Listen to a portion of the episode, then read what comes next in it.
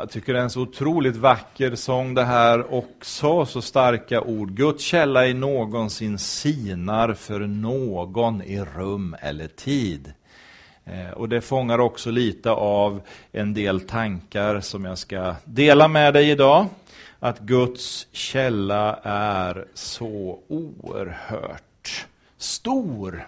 Det liksom bara flödar fram till oss hela tiden. Eh, I torsdags var vi några stycken som var samlade här till eh, bibel och bön. Vi läste faktiskt predikotexten eh, som jag ska tala om idag och samtalade lite om den. Och Det fanns någonstans också en tanke att koppla till förra söndagen. Du som var med mig då minns att jag talade om Danielsboken, hur profeten fick möta Jesus själv på stranden till floden Hiddekel.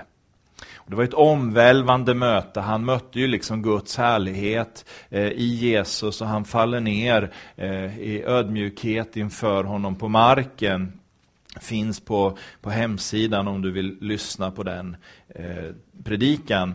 Och jag sa att det finns väldigt stora likheter mellan det mötet som Daniel gör på flodstranden med Jesus och det möte som profeten Jesaja får ha i det himmelska. I Jesajas sjätte kapitel läser vi hur han får gå in i tronsalen.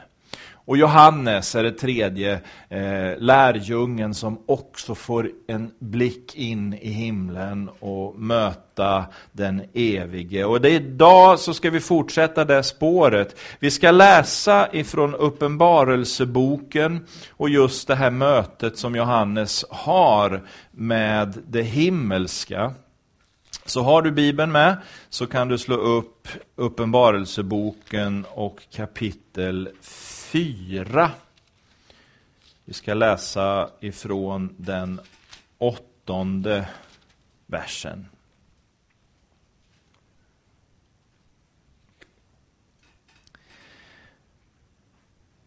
Uppenbarelseboken 4.8. Vart och ett av de fyra väsendena hade sex vingar och de hade fullt med ögon runt om och på insidan av vingarna. Dag och natt säger de utan uppehåll, helig, helig, helig här är Herren Gud, den allsmäktige, han som var och som är och som kommer.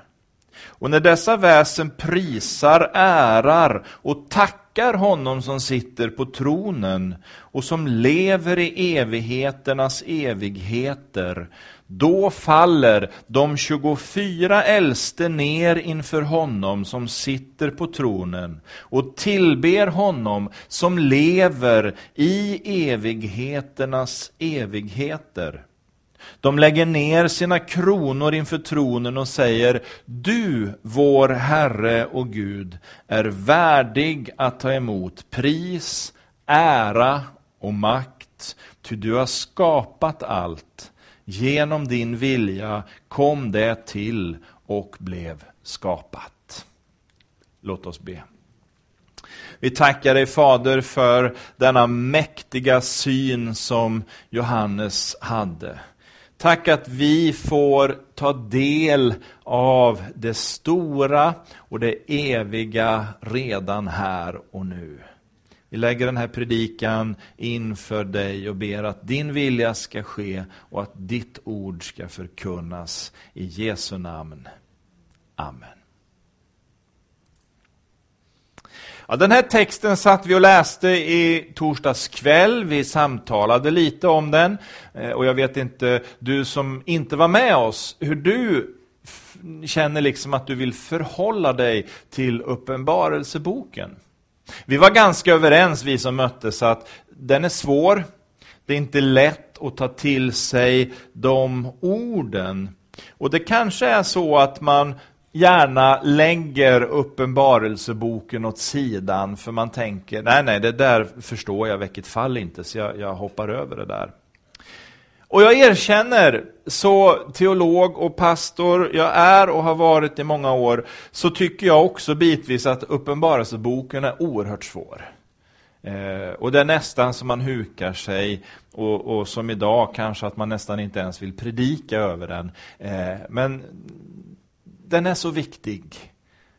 Och, och, det är därför vi behöver möta den och då är det ännu viktigare att be till Gud att den helige Ande ska få tala till oss. För det är ju han som gör orden levande och verksamma.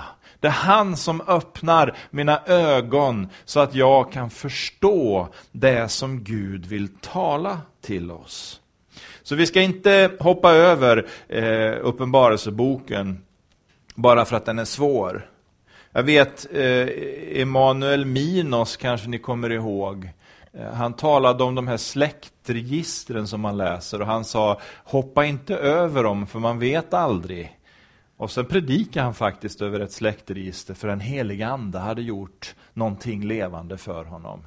Så, så alltså vi får inte stänga möjligheterna. Och så är vi då i Uppenbarelseboken, i det fjärde kapitlet. Och det är lite av en vattendelare, det står liksom som en gräns mellan två olika saker. För i de tre första kapitlen i Uppenbarelseboken så möter vi det som har med det jordiska att göra. Det som kanske är lite mer gripbart för dig och mig. Där har vi de sju breven till församlingarna till exempel, som vi läser och på något sätt kan relatera till på olika sätt. Men så kommer vi in i det fjärde kapitlet och plötsligt så öppnas dörren. Det gläntas på förlåten till det himmelska, till det eviga och till det oändliga. Och det är fråga om stora och heliga saker som inte egentligen kan gripas med det mänskliga förståndet och de mänskliga tankarna. När vi läser de här texterna så märker vi att till och med Johannes som står och ser in i detta, det är liksom öppet för hans ögon rent fysiskt. Även han viker åt sidan och aktar sig för att använda mänskliga ord att beskriva någonting som är större än vår tanke. För han vill inte begränsa Gud. Och nu står vi med Johannes när vi läser den här texten eh, och så ser vi in i det himmelska, vi ser eh, lite av det eviga och så är vi någonstans där också Jesaja var i sitt sjätte kapitel. Han ser den helige. Den evige guden som har skapat det här fantastiska universum, den ser, eller honom ser Johannes och Jesaja och vi får en liten skymt av det. Och så ser vi de här seraferna som kretsar runt tronen och som ropar helig är Herren Gud så att hela himlen skakar. Det är ett dån utan dess like. Och jag hörde en kollega som någon gång i en predikan försökte hitta orden på det här. Han försökte beskriva och förklara det här. Han går väl lite utanför Bibeln så att man får väl ta det med en nypa salt, men jag tycker att hans försök och ansats till att tala om det här eh, för att vi ska ana det är så bra så jag, jag någonstans tycker att jag vill använda det där ibland. Han menade när de här seraferna rörde sig runt Guds tron i himlen så har de gjort det i oräkneliga år och tider. De har kretsat runt han som har skapat detta universum. Och för varje varv som de tar så upptäcker de en ny egenskap hos Gud. Och den enda reaktionen som de kan ge i det är att ropa helig är du Gud. Och så tar de ett nytt varv och det tar nog sin lilla tid för han är stor och mäktig. Och så ser de någonting nytt och så ropar de helig är du Gud. Och det är klart, i det här, eh, om vi tänker på han som har skapat detta universum som du och jag har förmånen att få bebo. Från makrokosmos, ut i stjärnevärlden, ut bland planeter och galaxer och allt vad som nu finns där ute, utan slut.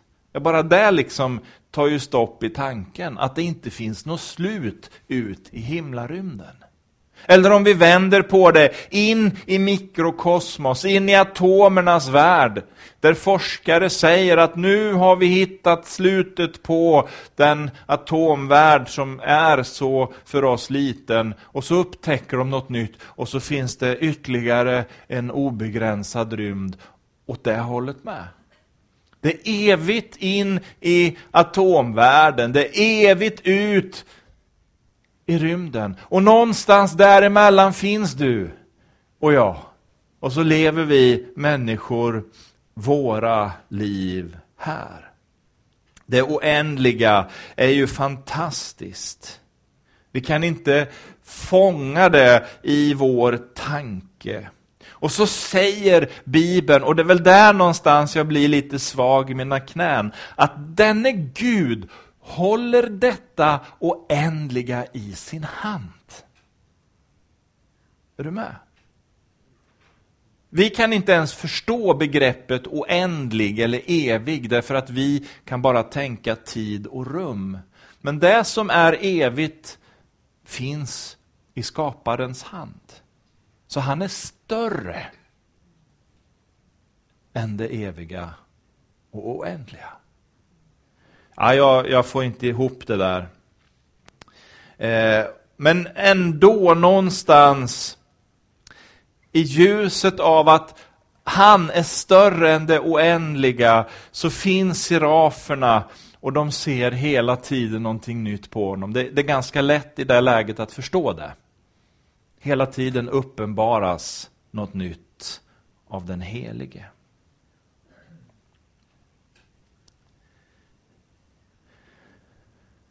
Det här har jag suttit och funderat på i veckan, lite till och från i olika sammanhang. Mina tankar de far runt och jag blir lite mer förvirrad än vad jag kanske vanligtvis är.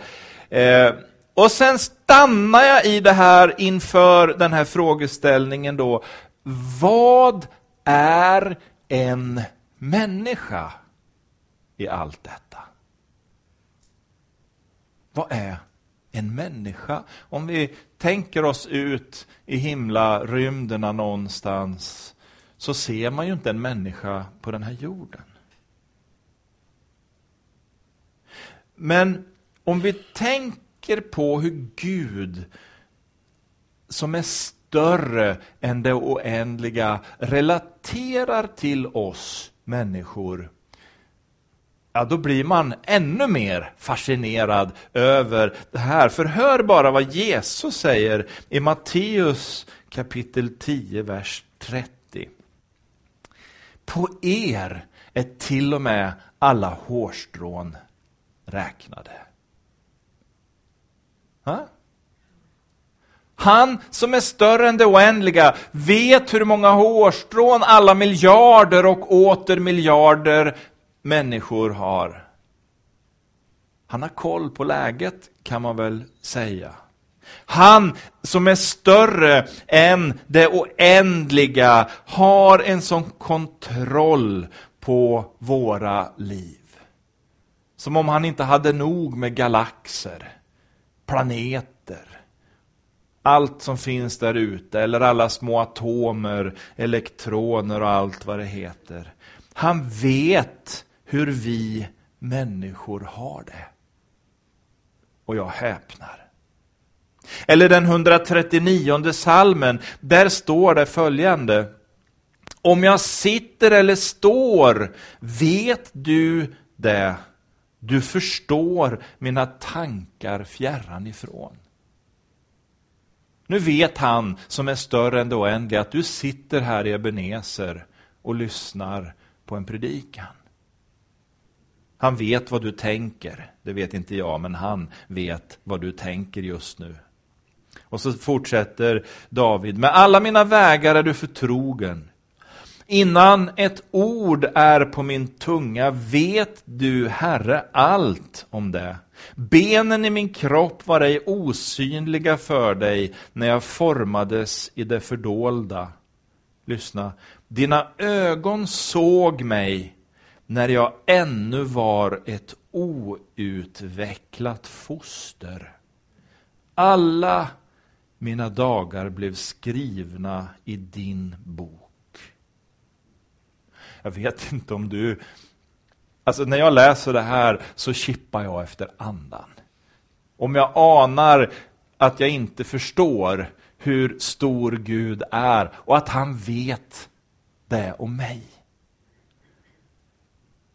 Och inte liksom i ett syfte att peka finger åt mig, utan för att jag är betydelsefull för honom. Så blir det så oerhört stort. Som jag sa, han borde ju ha nog med alla galaxer och alla solsystem och allt som finns utåt eller atomerna och så som finns inåt. Men nej, Bibeln säger Gud han ser oss människor och han vet hur våra liv är. Och han älskar oss. Och så är det som jag sa i inledningen, när allt det här går upp för mig, jag står och tittar ut över den vackra Klingerfjärden och, och ser allt, kottarna och, och, och, så vidare på granen här utanför, så tänker jag att det här är Guds kärleksgåva till oss människor. Han ville ge oss den här underbara naturen att vandra i. För tänk, det finns inte människor någon annanstans i universum. Det är bara här, på det här lilla jordklotet, det finns människor i det oändliga universum. Och det finns inga vackra träd och buskar, grenar, skönsjungande fåglar eller vackra människor som ni någon annanstans än just här. Mer eller mindre skulle jag tro att alla planeter och solsystem, de ser likadana ut. Men det är en plats i universum som skiljer sig och det är vårt jordklot. Där la Gud ner fokuset på det där som är så viktigt. För han skapade oss människor till sin avbild. Och det här är, du och jag, det centrala i hela skapelsen. Det är stort. Den här tanken som jag nu rör lite vid, om, om vi nystar vidare i den och tänker att det är som en tråd som man följer hit och dit och upp och ner, så kommer man någonstans till änden på den tråden fundamentet som på något sätt ytterst beskriver den djupaste meningen av det liv som jag försöker att fånga i min tanke. Ja, den här lilla tråden, den har sin ände knutet kring korsets fot. För det är det stora centrumet i allt ihop. Där förstår vi meningen med livet. Där förstår vi Guds tanke och plan när han av egen vilja utgav sig själv för hela mänskligheten. Han kom inte för att vi ska krypa för honom och serva honom med massa lyx och, och, och så vidare. Han kom för att ge sig själv till oss människor.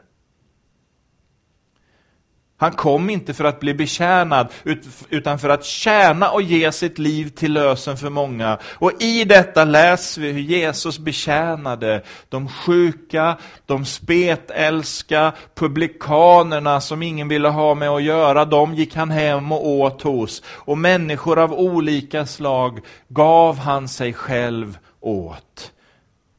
För de är så viktiga. Alla vi som är syndare, och det är alla människor utan undantag. Det var vi som var skälet till att han kom till jorden. Att Herren ens bemödat sig om att veta hur många hårstrån vi har på våra kroppar eller huvuden. ja, det säger väl någonting om hur betydelsefulla vi är för Gud. Vi är liksom inte bara någonting sådär. Vi är så betydelsefulla och så värdefulla att han gav sitt eget liv för oss. Okej, okay, säger Jesus, jag dör istället för dig. Jag tar straffet. Låt Gud straffa mig så att du får gå fri. Så att jag får gå fri.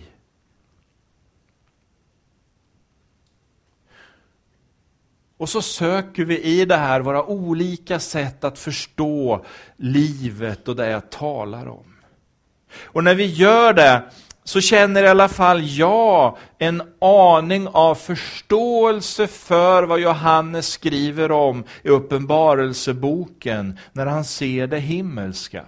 Serafernas proklamation av Guds helighet och de äldste som faller ner och tillber honom som lever i evigheternas evigheter.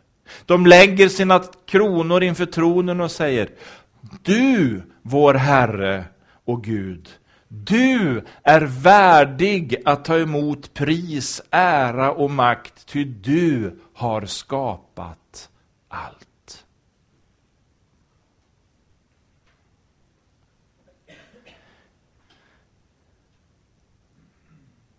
Temat idag är lovsång.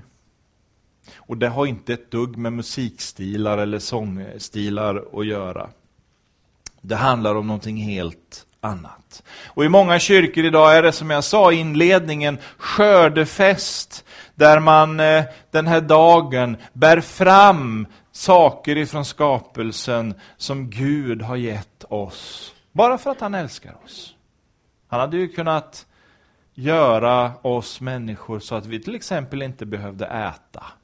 Men tänk om vi inte hade fått allt det här med smaker. Tänk en chipspåse och lite dipp, vad gott. Jag var, var hemma hos några goda vänner eh, jag har inte träffat dem på, på några år faktiskt, men jag var hemma hos dem i fredags och de bjöd mig på god mat och vi åt och vi njöt av varandras gemenskap och samtal och sen när jag gick så, så fick jag plocka med mig plommon ifrån deras trädgård. Va? Plommon? Så gott. Äpplen som ligger här. Ja, det finns så mycket olika du kanske inte tycker om samma saker som jag. Men det finns där någonstans så mycket som vi är tacksamma för. Vi får tacka Gud för skapelsen. Att den, trots att den är på väg mot sin upplösning och undergång, så är den ju fortfarande så smärtsamt vacker. Lönnlöven som lyser så härligt så här års. Rönnbären och allt. Alltså man blir ju så lycklig. Och som vi sa när vi kom in, man känner doften av äpplen. Ja, en del kanske inte tycker om det, men alla dofter som möter oss så här års. Eller sommartid när, när det verkligen står i full blom och så vidare. Tänk en doftpion, man blir ju så lycklig den skira grönskan på våren eller en härlig vinterdag när det är snö, en meter minst ska det vara. Eh, och det liksom bara lyser, himlen är blå, solen strålar och ja, det är så vackert. Dagsmejan på våren. Alltså, vi kan ju stå och prata hur länge som helst om det här. Det finns så mycket vackert. Och även om vi alla, för så är det, får kämpa och strida våra liv, för allt är ju inte enkelt och självklart. Så finns det ändå i grunden så mycket vi kan tacka Gud för och ge honom äran.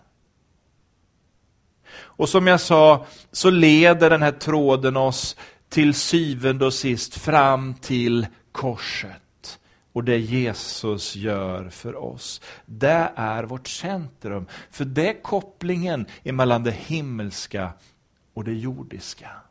Det är korset som öppnar dörren till det eviga. Det är Jesus som är kontaktpunkten.